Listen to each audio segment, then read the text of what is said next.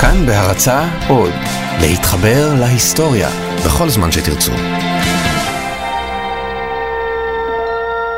אני בטוח שאתם מכירים את הטקסט הבא.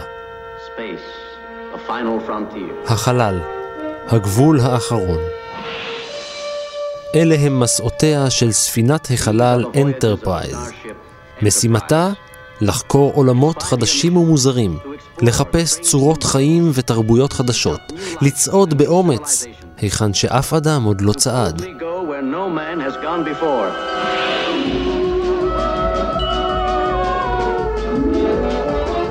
מכירים. זהו הפתיח של סדרת הטלוויזיה המקורית מסע בין כוכבים, סטארט-טרק, שעלתה לאוויר בסוף שנות ה-60. הפתיח הזה, בקולו של ויליאם שטנר, נלקח מתוך חוברת אמיתית של הבית הלבן, תחת הכותרת מבוא לחלל החיצון. וככה נכתב שם: שימושי להבחין בין ארבעה גורמים שנותנים חשיבות ודחיפות לקידום טכנולוגיית חלל והופכים אותה לבלתי נמנעת. הראשון שבגורמים אלה הוא צורך האדם לחקור ולגלות. דחף הסקרנות המוביל את בני האדם לנסות ולצעוד היכן שאף אדם עוד לא צעד. רוב פני השטח של כדור הארץ נחקרו זה מכבר, וכעת פונה האדם לחקר החלל החיצון כמטרתו הבאה. החוברת יצאה לאור על ידי ועדת המדע הנשיאותית ב-26 במרץ 1958, כעשור לפני הסדרה הפופולרית. במקור הוכנה החוברת לטובתו האישית של הנשיא, אך אייזנהאואר הפיץ אותה לציבור במטרה שתועיל לכלל האזרחים, באמריקה ובעולם כולו. זו חוברת מעניינת ומומלצת לקריאה גם כיום, אבל לא בגללה נוצרה מסע בין כוכבים.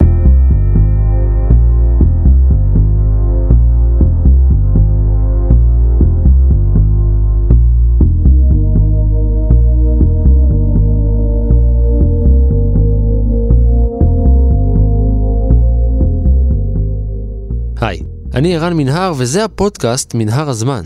מדי פרק אנחנו מספרים לכם על מקרה שקרה בעבר מזווית שכנראה עוד לא הכרתם. הפעם אנחנו יוצאים למסע בין כוכבים, כדי לגלות איך נולדה הסדרה ששינתה את פני המדע הבדיוני.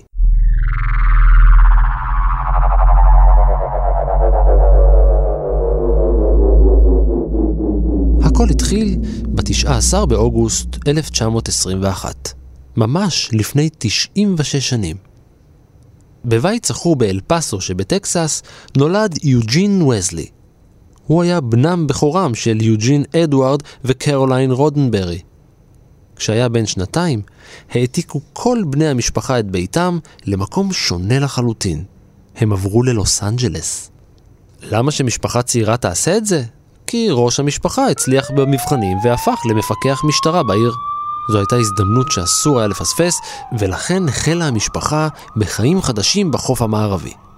יוג'ין הצעיר גדל בעיר והפך לאלם שזכה לכינוי ג'ין. מאוחר יותר בחייו הפך למעופף רשמי, תכף נגיע לזה, אבל בינתיים הראש שלו היה עסוק במגזינים לנוער ובספרים כמו ג'ון קרטר ממאדים, טרזן וגיבורי מדע בדיוני אחרים. הוא חלם לכתוב, חלם לעוף על כנפי הדמיון אל עולמות חדשים ומסתוריים. אבל החיים, כמו החיים, לוקחים אותנו בנתיבים מוזרים. אחרי שסיים את בית הספר, המשיך רודנברי ולמד בקולג' העירוני של לוס אנג'לס. כנראה שאבא שלו היה המאור הגדול שלו, כי הוא סיים את לימודיו בתחום מדעי המשטרה. החלום שלו על עולמות אחרים המשיך להציק לו, והוא עשה מעשה. הוא החל ללמוד טיסה. הוא עשה את זה בבית ספר לטיסה שהיה מקושר לחיל האוויר האמריקאי, ואחרי לא הרבה זמן, ב-1941, הוא השיג רישיון טיס אזרחי. אבל משהו זז בו, ובסוף אותה השנה הוא התגייס לחיל.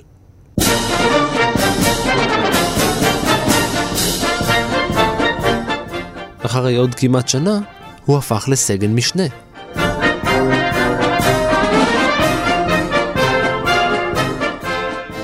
באחת הטיסות, כשהטייס הצבאי רודנברי הנמיך והתכונן לקראת נגיעה בקרקע, הוא פספס את מסלול הנחיתה ב-150 מטר.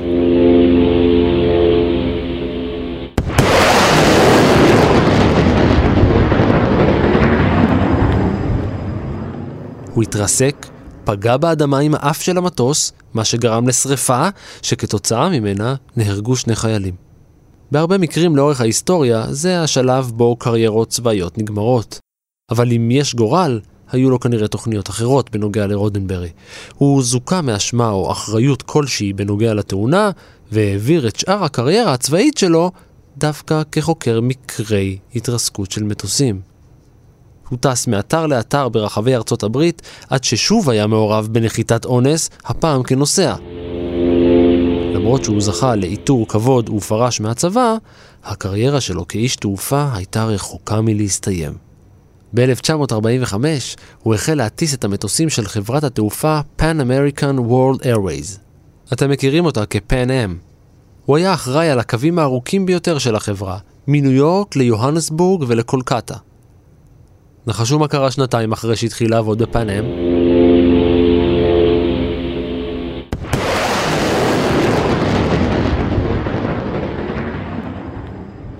כן, הוא התרסק בפעם השלישית. זה קרה מעל סוריה, והמטוס שלו התרסק הישר אל המדבר הסורי. רודנברי החל לפנות פצועים מתוך הריסות המטוס הבוערות. 14 אנשים נהרגו באירוע הזה, 11 נפצעו, ובאורח פלא, שמונה יצאו ללא פגע. בשלב הזה הוא התחיל לחשוד שהעניין הזה עם תעופה לא היה בשבילו, אבל זה עוד לא ממש ישב לו. עברה שנה עד שהוא התפטר מחברת התעופה והחל לרדוף אחרי חלומו ברצינות. איזה חלום? ההוא מהילדות, החלום לכתוב. אבל לפני שהתפנה לשבת מול מכונת הכתיבה, הוא עבר במשטרה. הוא לא היה עצור או משהו, הוא גם לא נחקר, הוא פשוט הפך לשוטר תנועה בלוס אנג'לס. מפה לשם ומשם לפה, הוא עבר מחלקות. הוא התקדם. הוא הפך לכותב הנאומים של מפכ"ל המשטרה. בעצם אפשר לשים לב שקודם כל המעבר שלו למערב וללוס אנג'לס, או תעשיית, זו בירת הסרטים, תעשיית הסרטים, כבר בשנות ה-30-40, ואני מניחה שעוד פעם ילד שגדל לצד התעשייה הזאת, שהיא מאוד מסעירה ומלאת הילה, זה בטח מרשים אותו. זוהי ענת סלע ענבר, ראש מסלול יצירה טלוויזיונית בבית הספר לאומנות הקול והמסך ספיר. אבל מה שקורה בשנות ה-50, באמצע שנות ה-50, זה שהטלוויזיה מגיעה לעיר. זה מעבר מאוד מעניין, אז אני בטוחה שזה היה שינוי דרמטי. אה, יש קשר יותר הדוק בין טלוויזיה לתקשורת בעצם, אז אולי זה מתחבר לעמדת הדובר. תפקידו וקשריו אפשרו לו לשמש גם כשוטר וגם כיועץ לסדרת טלוויזיה משטרתית חדשה, Mr. District Attorney.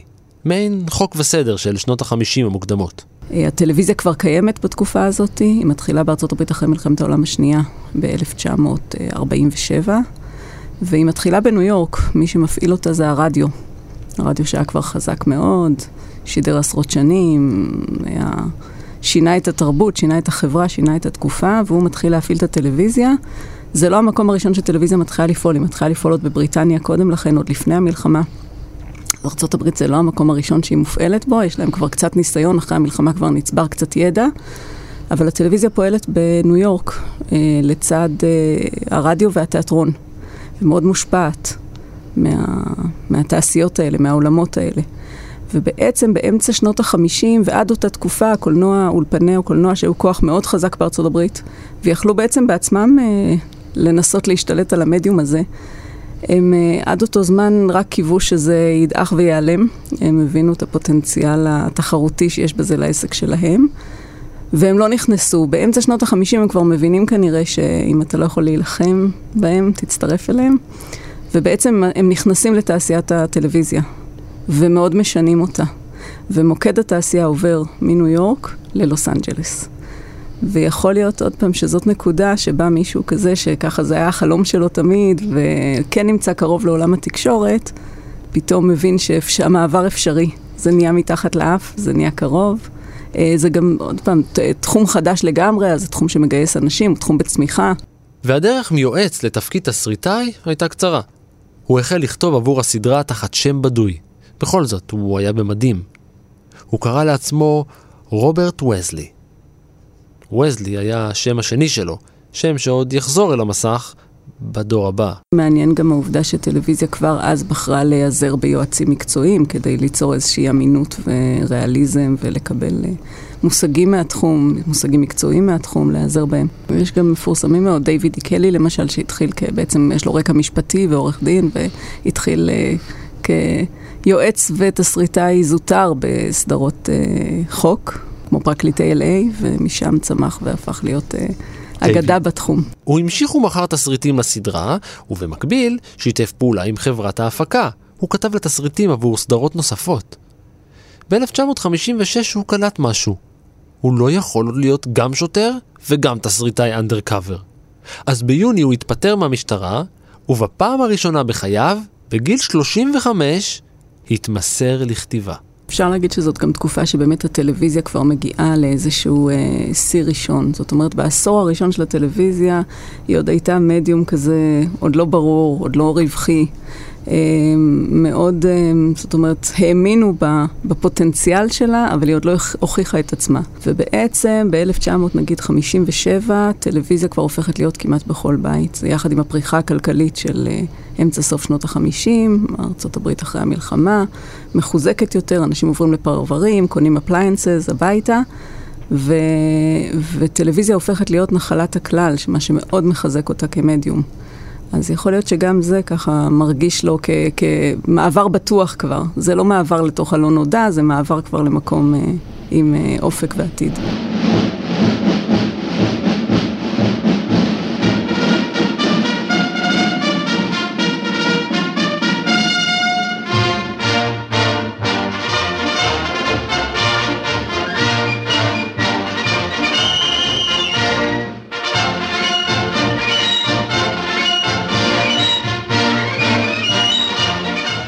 מוזיקת הפתיחה של הסדרה The West Point Story, שרודנברי כתב שליש מהעונה הראשונה שלה אחרי שקיבל קידום. עד אמצע שנות החמישים, אמ, הדגש בטלוויזיה היה יותר דגש של אה, שידור חי, תכנים שעברו מהרדיו. זה אומר אה, אקטואליה, זה אומר ספורט, זה אומר אה, שידור של מופעים. זה אומר מבחינת הטלוויזיה היותר יוקרתית או מוערכת קונצרטים, הצגות תיאטרון מיועדות לטלוויזיה, דברים מהסוג הזה. עד 1955 יש סדרות אה, מעטות, כמו I Love Lucy שכבר הייתה, ודרגנט, שתי הצלחות מאוד מאוד גדולות. ומהרגע שהטלוויזיה, באמת, מהרגע שאולפני הקולנוע נכנסים לטלוויזיה, התרומה שלהן היא המעבר המרכזי לסדרות אה, עלילתיות.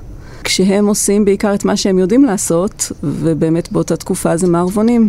מערבונים זה זה תחום הידע שלהם, אה, יש להם סטים כאלה, יש להם אה, אה, ציוד, הם בקיאים בתחום, ובאמת הם מתחילים להכניס סדרות לתוך הטלוויזיה, ובעיקר סדרות מערבונים. ואז אפשר להגיד שכבר ב-1900, אני חושבת ש-59, משהו כמו שבע מתוך עשר הסדרות הנצפות ביותר הן מערבונים. כל התכנים עד 1955 מומנו על ידי ספונסרים באמת, והתוכניות נקראו על שם היצרנים, כמו The Colgate Hour או The Ford Show. ומה שקרה, בארצות הברית יש משבר, זה אירוע ספציפי בתולדות הטלוויזיה, נקרא סקנדל השעשועונים, רוברט רדפורד עשה על זה סרט מאוד יפה, אה, שבו מתגלה בעצם סביב איזשהו שעשועון, שהמשחק אה, מכור למדי ושהספונסרים מתערבים בתכנים. אה, מוקמת ועדת חקירה נשיאותית, פדרלית, ו... בעצם כדי למנוע, המסקנות הן לא משמעותיות, אבל כדי למנוע את אה, התערבות הרגולטור בשידורים, אה, רשתות השידור בעצמם, זה שלושת הרשתות הגדולות שהיו אז, שזה NBC, CBS ו-ABC, הן בעצם מודיעות על שינוי השיטה, ומאותו רגע בעצם נכנס, אה, נכנסות הפרסומות. נוצר נתק בין המפרסמים, בין הספונסרים, לבין התוכניות. יש תוכן, גופי השידור אחראים על התוכן. והם מוכרים את הזמנים בתוך התוכניות ובין התוכניות אה, לפרסומות. אה, בתכלס הם היו עושים את המעבר הזה בכל מקרה, כי השיטה הקיימת עד כה, שעכשיו כבר הולכת ומידרדרת כמודל כלכלי בפני עצמה, אבל זאת הייתה שיטה הרבה יותר רווחית מבחינתם. אז, אה, אבל המעבר הזה עושה הרבה דברים, זה בעצם אה, הכניסה לתוך עידן הרייטינג. כי עד לאותו רגע לא היה משמעות לרייטינג. וגם לא היה הרבה רייטינג, כי בעשור הראשון של הטלוויזיה, כמו שאמרתי, לא הייתה טלוויזיה עדיין בכל בית. יש סיבה שרודנברי כתב רק עשרה פרקים לסדרה. כי תוך כדי שהוא כותב, צץ לו רעיון חדש, והוא הגיש אותו כרעיון לסדרה לרשת CBS. העלילה הייתה אמורה להתרחש על ספינת תענוגות. אולי משהו כמו ספינת אהבה, אבל ב-CBS לא ממש התלהבו. הוא ניסה עוד רעיון, אחר, אצל חברת הפקה נוספת, אבל גם זה לא קרה. כדי להפיק את הרעיונות שלו, רודנברי היה חייב שתהיה לו שליטה מלאה על התהליך. על תהליך היצירה, על תהליך קבלת ההחלטות הקריאטיביות. הוא היה חייב להפוך למפיק. יש הבדל בטייטלים קצת אה, לעומת התעשייה בארץ. מפיק הוא בדרך כלל בארצות הברית, כשמדובר בסדרות, הוא בעצם באמת התסריטאי. הקרדיט של מפיק ניתן לו כדי שיהיה לו את השליטה המוחלטת אה, בתוכן ושליטה אומנותית מוחלטת. כך שבעצם יש התקדמות ב, בדרגות, אתה עולה מתסריטאי זוטר לתסריטאי, לתסריטאי בכיר, ואז בעצם למפיק. וזה הבדל לעומת הצד ההפקתי של ההפקה, שהוא לא קשור, הוא מנהלתי יותר, הוא, הוא גם יצירתי בפני עצמו, אבל הוא לא קשור ל, לסקאלה הזאת של עלייה בדרגות בסולם התסריטאי. המושג שאנחנו מכירים היום, למשל שואו ראנר, הוא מושג חדש מאוד. זה לקחת את המקום של התסריטאי ולהפוך אותו ליותר אופרטיבי, ממש uh, בשטח, כבר לא מישהו שכותב uh, את הסדרה ואחר כך מגיע... מקסימום לחדר העריכה, אלא באמת מישהו שמלווה את כל התהליך, כולל אה, ליהוק, בחירת לוקיישנים, בחירת ארט.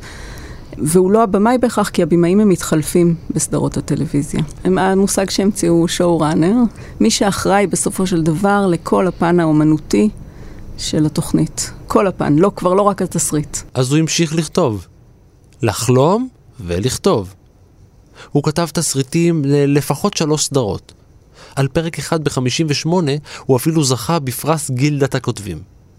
וככל שהזמן עבר, הוא צבר יותר ויותר ניסיון בפיתוח רעיונות לסדרות.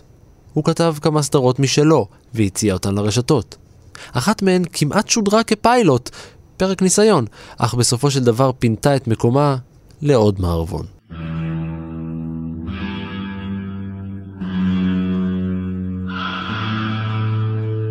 בתקופה ההיא, לעומת מה שאנחנו מכירים היום, הפריחה הגדולה של הסדרות שיש היום, בשנתיים, שלוש האחרונות הגענו לשיא של כל הזמנים, משהו כמו 400 סדרות מתוסרטות מופקות בארצות הברית, זה כמויות עצומות. Uh, באותה תקופה מדובר רק על שלוש רשתות, אז התחרות הרבה יותר קשה. כל רשת כזאת מפיקה חמש סדרות uh, דרמה פריים טיים. אה, זאת אומרת, בסך הכל 15 בברודקאסט, אה, אז בהחלט קשה לעשות פיץ' לטלוויזיה ולהצליח להכניס סדרה. בכל מקרה, שמו לב אליו, וזה כמעט השתלם כשההצעה הגיעה. הוא התבקש לכתוב סדרה חדשה, Riverboat, על מיסיסיפי של שנות ה-60 של המאה ה-19. בכלל נדיר לעשות uh, סדרות תקופתיות באותה תקופה, זה יקר. המערבונים מתגלגלים ככה כי יש בין השאר את הסטים כבר, את ה... אז הכיוון הזה של מערבונים, התקופה הזאת היא כן תקופה שנכנסת לטלוויזיה. אה, אנחנו מכירים וזוכרים את בית קטן בערבה למשל, הצלחה מאוד גדולה. אבל ככה למקם אה, סדרות תקופתיות במקומות אחרים זה השקעה כלכלית מאוד גדולה. אבל כשרודנברי הבין שהמפיקים היו גזענים ולא הסכימו להעסיק שחקנים שחורים, הוא פוצץ את הכל ואיבד את העבודה. הסדרה הראשונה שבעצם הציבה שחורים בתפקיד מרכזי בקאסט מעורב, עולה רק ב-1965. Uh, השחקן הוא ביל קוסבי, שהיום אנחנו מכירים אותו מסיפורים עצובים ונוראים. אה, אבל אה, זה היה אז התפקיד הראשון המשמעותי שלו, תפקיד מרכזי. אה, שני גיבורים, סדרת משטרה, קאסט מעורב, כמו שאמרתי, בלש לבן, בלש שחור, והם במרכז הסדרה, וזה קורה רק ב-1965. אז טלוויזיה היא כן מדיום שמלכתחילה לא מציב במרכזו רק גיבור יחיד. היא מדיום שמציג אנסמבל של שחקנים. זה הלך והשתכלל עם הזמן והאנסמבל הלך וגדל, אבל מלכתחילה היא מדיום ששם במרכזו למשל את המשפחה. ויש גם נשים, שזה גם מהלך משמעותי, זאת אומרת, אין לנו רק את הגיבור הגברי האחד, אלא מלכתחילה יש קבוצה של אנשים. אבל זאת לא בהכרח באמת קבוצה מעורבת, כי אם המשפחה היא משפחה לבנה, והיא ברוב המקרים משפחה לבנה, אז יש לנו כמה דמויות, לפעמים רב גילאיות, אבל לא אה, מגוון אה, אתני או גזעי. אנחנו חייבים ללמוד לחיות יחד, או שבאופן ודאי נמות יחד. המשפט הזה נולד במוחו של רודנברי ויחזור בתור מוטו בהמשך, כמסר של סדרה אחרת לגמרי. כשנכתבה החוברת מבוא לחלל החיצון בבית הלבן בשנת 58, רודנברי היה בן 37.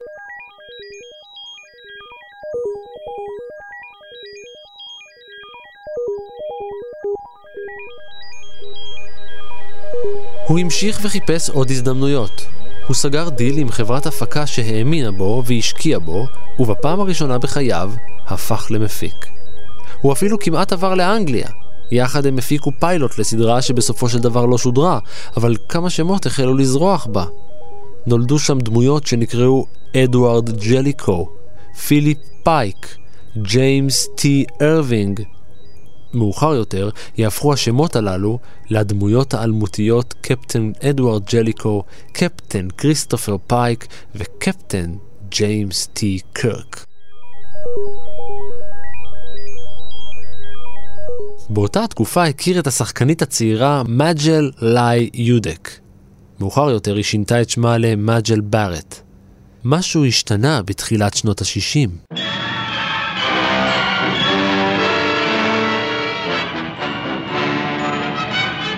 ב-1961 יצא הסרט Master of the World, שהתבסס על הספר של ז'ול ורן, רובור הכובש.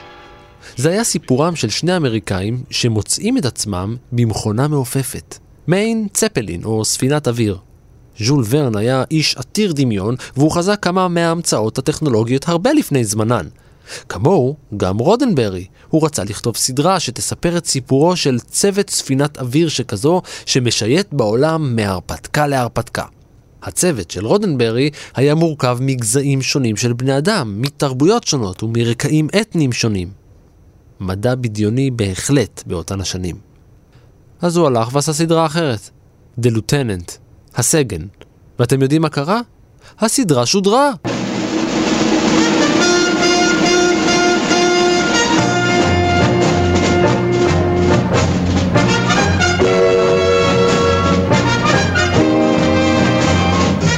סוף סוף. ולא רק שהיא שודרה, היא קבעה שיא של רייטינג במשבצת השידור שלה. הסדרה הזו הופקה בשיתוף פעולה עם הפנטגון. הם צילמו בתוך בסיס של חיל הים האמריקאי. גם אצלנו בארץ היה שיתופי פעולה עם צה"ל, למשל, סביב אה, צילומים ב... של סרטים בבסיסים צבאיים, או תוך שימוש בציוד צה"לי, או... יש בוודאי הרבה מאוד. החלל הביתי והמשפחה מצד אחד, מצד שני, החוק וסדר, אה, סדרת המשטרה, זה באמת שני האזורים הבטוחים של הטלוויזיה משחר קיומה, והתוספת המשמעותית הייתה באמת המערבונים שנכנסו מהקולנוע. אה, זאת הייתה כאילו השפעה חיצונית. ושם, על הסט של הסדרה הזו, פגש רודנברי כמה שחקנים צעירים. חוץ מזה שמג'ל בארט שיחקה שם, אחת השחקניות הייתה נישל ניקולס. אחד אחר היה לנרד נימוי. אחרי עונה אחת, הסדרה בוטלה. רודנברי הצליח לריב גם עם משרד ההגנה האמריקאי בענייני שחורים ולבנים. אבל הרעיון הבא כבר התגבש אצלו בראש. הוא נשאר בענייני ספנות, והפעם הציב את הצוות הערב-גזעי מספינת האוויר על סיפונה של אונייה מסדרה אחרת שכתב. וזה בדיוק היה הרגע בו אמריקה החליטה שהיא מגיעה אל הירח. Choose to go to the moon in this decade and do the other things, not because they are easy, but because they are hard. המרוץ לחלל החל. ארצות הברית וברית המועצות התחרו על הכבוד להגיע ראשונים לחלל. תכלס, זה היה מרוץ של פיתוח נשק בליסטי במסווה. בסופו של דבר, החלל נכבש על ידי שתי המעצמות, וארצות הברית הגיעה לירח. הסדרה הכי מפורסמת של תחילת שנות ה-60 הייתה The Dick Van Dyke Show, שמומנה בחלקה מקרן של אה, משפחת קנדי. אה, אז גם שם היה איזשהו קשר כזה ממסדי, אפשר להגיד, למרות שהוא לא ממסד ממש, זה קרן פרטית. אה, ז'אנר ה sci-fi, כן? נכנס לטלוויזיה. sci-fi זה science fiction. מדע בדיוני. הסדרה אולי הכי בולטת זה Twilight Zone, סדרה שבאמת השפיעה על יוצרים רבים מאוד, עשתה רושם גדול מאוד. זאת לא הייתה סדרה בהמשכים, זה היה כל פעם סיפור אחד, והיא נגעה בסייפיי מהמקומות היותר קודרים שלו, אה, מהמקומות המפחידים, המאיימים.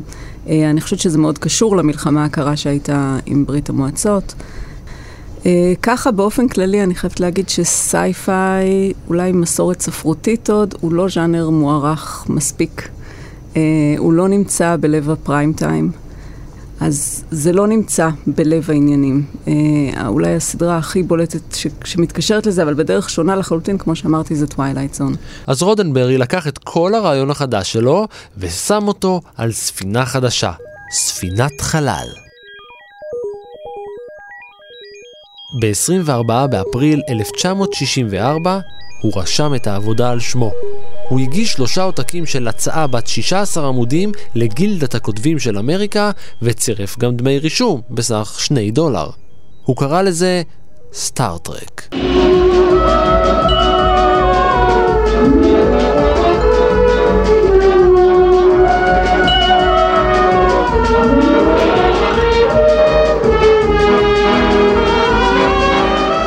הכוונה המקורית שלו הייתה לייצר סדרה שתהיה מעין מסעות גוליבר, רק בעתיד.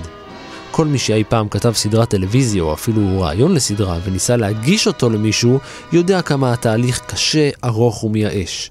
כי כדי להפיק סדרה צריך שמישהו יבין את הרעיון, שהוא יזהה את הפוטנציאל הרווחי שמאחוריו, שהוא יהיה מספיק אמיץ כדי להשקיע בו, לגייס שחקנים וצלמים ובמאים וכותבים ותאורנים ומאפרים ומלבישים וטכנאים ועורכים. ובניגוד להיום, שאתם יכולים לצפות בכל תוכנית בכל זמן ובכל פלטפורמה, אז צריך היה למצוא לפרק זמן בלוח השידורים, וזה אומר שצריך לפגוע בשעת השידור על הפעם הראשונה. אי אפשר לנסות ולשדר את זה שוב בזמן אחר. בקיצור, להפוך רעיון ממחשבה לסדרה בטלוויזיה זה מסע של ממש. קודם כל הרייטינג היה אז אה, מספרים שאנחנו כבר לא רואים יותר, זאת אומרת, אה, כך שגם החשיבות של זה והקהל שנחשף לזה הייתה הרבה יותר גדולה. אה, שליש מהקהל האמריקאי צופה בסדרה שעולה בפריים טיים ברשת מסוימת, מה שמייצר, אני מניחה, הרבה יותר לחץ. מצד אחד. מצד שני, היום התחרותיות היא כל כך גדולה, זאת אומרת, אז היה מובטח להם במידה מסוימת כמעט שליש מהרייטינג, אז הם פחות דאגו. והיום התחרותיות היא כל כך גדולה, שהיום אה, ס, סדרה נשקלת הרבה יותר זמן, יש הרבה יותר מתחרים על כל, כי גם היוצרים, כמות היוצרים גדלה, אה, והבחינה שלה היא הרבה יותר אה, אה, מהודקת, זאת אומרת, סדרה יכולה לרדת אחרי חמישה פרקים, היא לא... הביאה את מה שציפו שהיא תביא. ואחרי שרשם את סטארטרק בגילדת הכותבים, רודנברי החל בצעד הראשון. הוא פנה אל אולפני MGM שלא קנו את הרעיון. משם עבר אל החברה דסילו הפקות, שחוץ מהסדרה I Love Lucy שהזכרנו קודם, לא הצליחה למכור חומרים לרשתות השידור כבר חמש שנים. רודנברי זיהה את ההזדמנות, הוא הציע להם את הרעיון. יחד עם ראש מחלקת התוכניות בדסילו, הם ניגשו לרשתות, והם התחילו עם CBS. רק מה? ל-CBS כבר הייתה סדרה של מדע בדיוני בהפקה, Lost in Space. שתי סדרות על חלל באותה הרשת, זה כבר היה יותר מדי, אז הם פשוט ויתרו על זה. CBS היא גם הרשת החזקה של, אה, של אותם שנים, היא הייתה בראש, בראש הרייטינג 20 אה, שנה יותר. אה, היא הרשת המצליחה, זאת אומרת שאני מניחה שבשבילו זה היה מאוד אטרקטיבי לנסות למכור ל-CBS, אבל הם אולי גם יושבים במקום יותר uh, בטוח. Uh, וזה מה, תהליך מעניין שכל פעם קורה, זאת אומרת, דווקא הרשתות שלא נמצאות בראש הרייטינג, הם אלה שמוכנות לקחת את הסיכון. כמעט תמיד בתולדות הטלוויזיה יש גלים כאלה של בבת אחת שתיים שלוש סדרות משטרה פתאום נורא מצליחות, שתיים שלוש סדרות uh, בית משפט נורא מצליחות, שתיים שלוש סדרות של uh, דרמת בית חולים מצליחות, זאת אומרת, וזה קורה כי עוד פעם, אני חושבת שהטלוויזיה מאוד קשובה ל... לקהל ולמה שקורה, היא מאוד עם אצבע על הדופק, וגם היוצרים, וכולם שמים לב כאילו מה הדבר הנוכחי העכשווי, אז בתקופת מרוץ החלל יכול להיות שעוד פעם יש כאילו פתאום תשומת לב uh, מכמה כיוונים לנושא הזה, ובאמת uh, אחד כבר מצליח, השני כבר בדרך, כל אחד רוצה שיהיה לו את סדרת החלל שלו. אחרי שנדחו על ידי CBS, השניים עברו ל-NBC. כדי להגביר את הסיכוי שהסדרה תרד להם חלק יותר בגרון, הם הצניעו משמעותית את החלק של המדע בדיוני בסדרה, והדגישו יותר את האלמנטים שהם שאבו מהמערבונים ששלטו בפריים טיים באותם השנים. דרמות טלוויזיוניות שקידשו את האתוס האמריקאי בשנות ה-60. רודנברי הציג את התוכנית כרכבת קרונות אל הכוכבים. ואתם יודעים מה? NBC הסכימה לממן שלושה פרקים. שניים מהם הפכו לפרקים ממש בסדרה. השלישי הפך לפיילוט המיתולוגי The Cage. הכוכב הראשי היה הקפטן פייק, שגולם על ידי ג'פרי הנטר, שחקן אמריקאי קלאסי שהופיע לצידו של ג'ון ויין בסרט המחפשים. חוץ ממנו, הופיע גם לאונרד נימוי בתפקיד מר ספוק. זו הייתה הצעה של מג'ל בארט ללהק את נימוי. הרשת דחתה את הפיילוט. הם אמרו שהוא גורם לחשיבת יתר, שהוא שכלתני מדי. מה שכן, הם מאוד אהבו את הרעיון, ובגלל שעוד לא ממש היו סגורים על עצמם, הם נתנו לזה עוד צ'אנס. הם ביקשו פיילוט נוסף. אז רודנברי ישב וכתב כמה כיוונים חדשים לתסריט. בסוף החליטה הרשת שהפיילוט שיופק יהיה התסריט Where No Man Has Gone Before. לצורך הצילומים הוחלף כמעט כל צוות השחקנים. הקפטן הנטר החליט שהוא לא רוצה עוד. הוא אמר שלככב בסדרת מדע בדיוני היה צעד לא טוב לקריירה שלו. במקומו לוהק שחקן תיאטרון קנדי בשם ויליאם שטנר, שיגלם את הקפטן ג'יימס טייבריוס קירק. וכשהוחלפו השחקנים, הגשים רודנברי את חלומו הוותיק. הוא בנה צוות רב-גזעי לספינה שלו. מהנדס סקוטי, נווט יפני, קצינת קשר שחורה, רופא אתאיסט. מאוחר יותר הצטרף גם רוסי. באמת ב-1965 אה, עולה הסדרה אייספיי, ש... שבה מככבים אה, שני בלשים, אחד שחור, אחד לבן. זה, פ... זה פורץ דרך במידה מסוימת, אבל זה כבר נשען על, על מגמה. וגם על תקופה ועידן, אה, שנות ה-60, זה שנים מאוד משמעותיות של שינוי בארצות הברית. הדימוי של טלוויזיה באותם שנים הוא לא הדימוי שיש היום, ואני יכולה להבין, למרות שהכניסה של הקולנוע, אנחנו טועים לחשוב לפעמים שהקולנוע נכנס לטלוויזיה בשנים האחרונות, ויש כאלה שגם חושבים שזה מה ששינה את, ה, את הטלוויזיה היום, הכניסה של שחקנים מהקולנוע, בימאים מהקולנוע, אבל קולנוע נכנס כבר בשנות ה-50 לטלוויזיה, והוא לא נכנס רק על ידי האולפנים שמפיקים, אלא גם על ידי בימאים שמפיקים, אם זה סם פקינפה, במאי מאוד מוערך. אה, שביים אה, סדרת מערבון לטלוויזיה, ואם זה אלפרד היצ'קוק המפורסם, שגם הוא, שניהם מ-1955 כבר מביימים סדרות לטלוויזיה. ומצד שני, הדימוי של הטלוויזיה עם השנים הולך ונהיה בעייתי, דווקא בשנות ה-60 הוא בעייתי יותר, התעשיות ממש ככה מתפצלות, נוצר נתק יותר גדול. אה, ובאמת לשחק בטלוויזיה מזיק לקריירה של שחקנים עד שנות ה-90 כמעט. מג'ל בארט, שהפכה לאשתו של רודנברי, גילמה בסדרה את האחות קריסטין צ'אפל. השחקן היחיד שנותר מהפיילוט היה נימוי, ששיחק את החייזר הוולקני. וגם ממנו רצתה הרשת להיפטר. הוא נראה למנהלים שטני.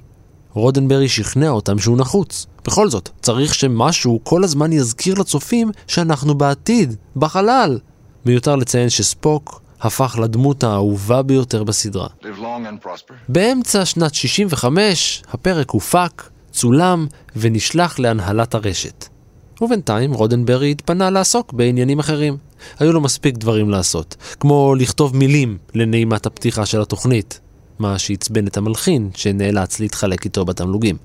רק בפברואר של 1966 הודיעה הרשת שהיא קונה מחברת דסילו הפקות 13 פרקים של סטארט-טרק. שלושה חודשים לאחר מכן נכנסה הסדרה להפקה. רודנברי היה אובססיבי לגבי הכל, הוא שלט בכל הפרטים והיה פדנט במיוחד בנוגע לשימוש בטרמינולוגיה נכונה.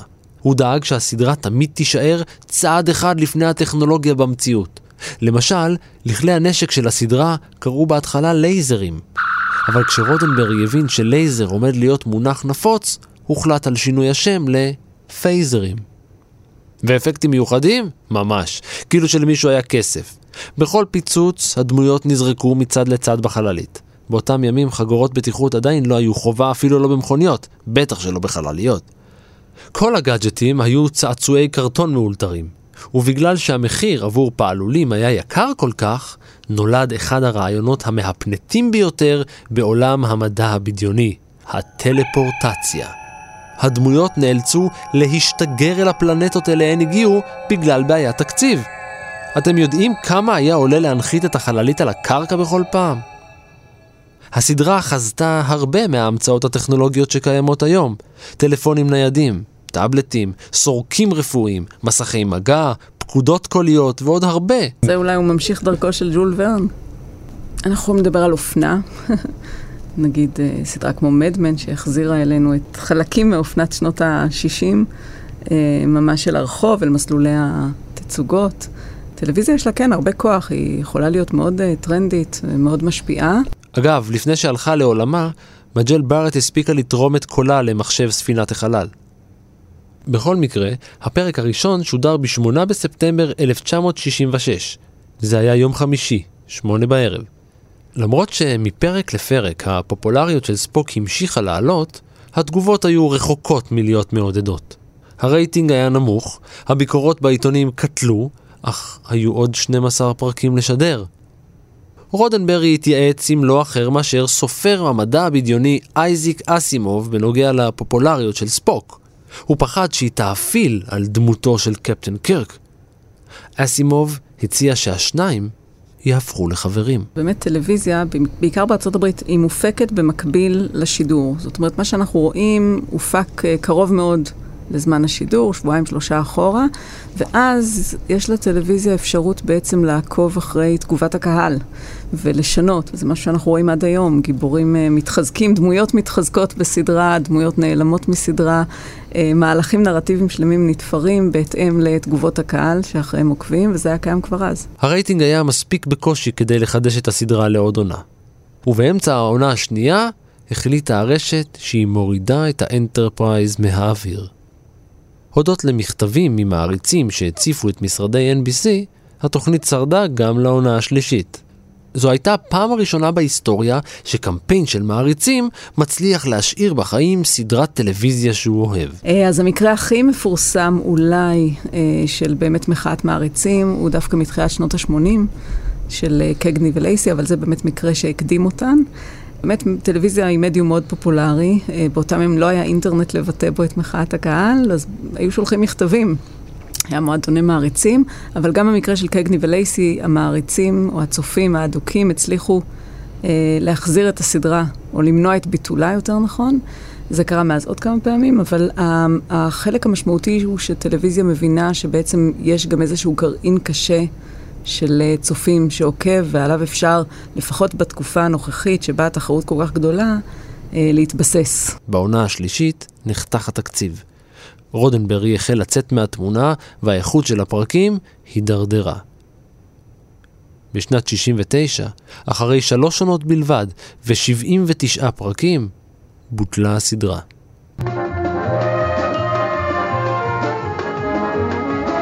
ג'ין רודנברי מת בשנת 91, אחרי שהאיר לחיים את הספינה האלמותית לעוד סדרה, מסע בין כוכבים, הדור הבא.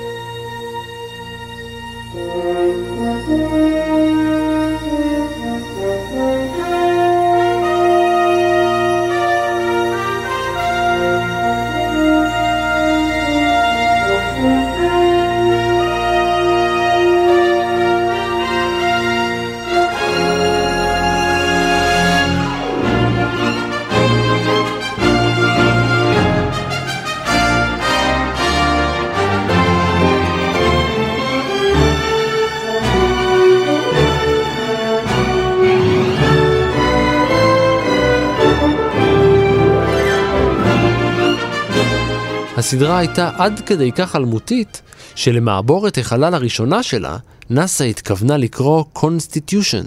אולם בעקבות מכתב ממעריצי הסדרה, כן, עוד מכתב, הם החליטו ללכת על משהו קצת יותר פופולרי, אז הם קראו לה אנטרפרייז. מקרה מאוד מעניין עם הסדרה זה העובדה שכשהיא חוזרת, היא מקרה שבו מחזירים אותה לא ל broadcast, אלא בעצם מפיצים אותה בשיטה של סינדיקציה, מפיצים אותה אצל, בתחנות העצמאיות. אה, וזה מהלך אה, מאוד לא רגיל. טיסתו האחרונה של רודנברי התרחשה שנה לאחר מותו. אז שוגר חלק מהאפר שלו לחלל על המעבורת קולמביה. אבל רגע, לא תאמינו איזה תיאוריה מסתובבת ברשת בנוגע למקור של הרעיון של רודנברי להמציא פדרציה של פלנטות. זוכרים שהוא עבד עם הפנטגון? גם חובבי תיאוריות הקשר זוכרים, וזו הסיבה שהם טוענים שרודנברי ביסס את הסדרה שלו על מידע שנחשף אליו. ולפי המידע הזה, הצבא האמריקאי מחזיק בחשאי בצי של ספינות חלל ומשתף פעולה עם כמה עולמות אחרים. אבל זה נושא לא רק לפרק אחר, אלא לתוכנית אחרת לגמרי.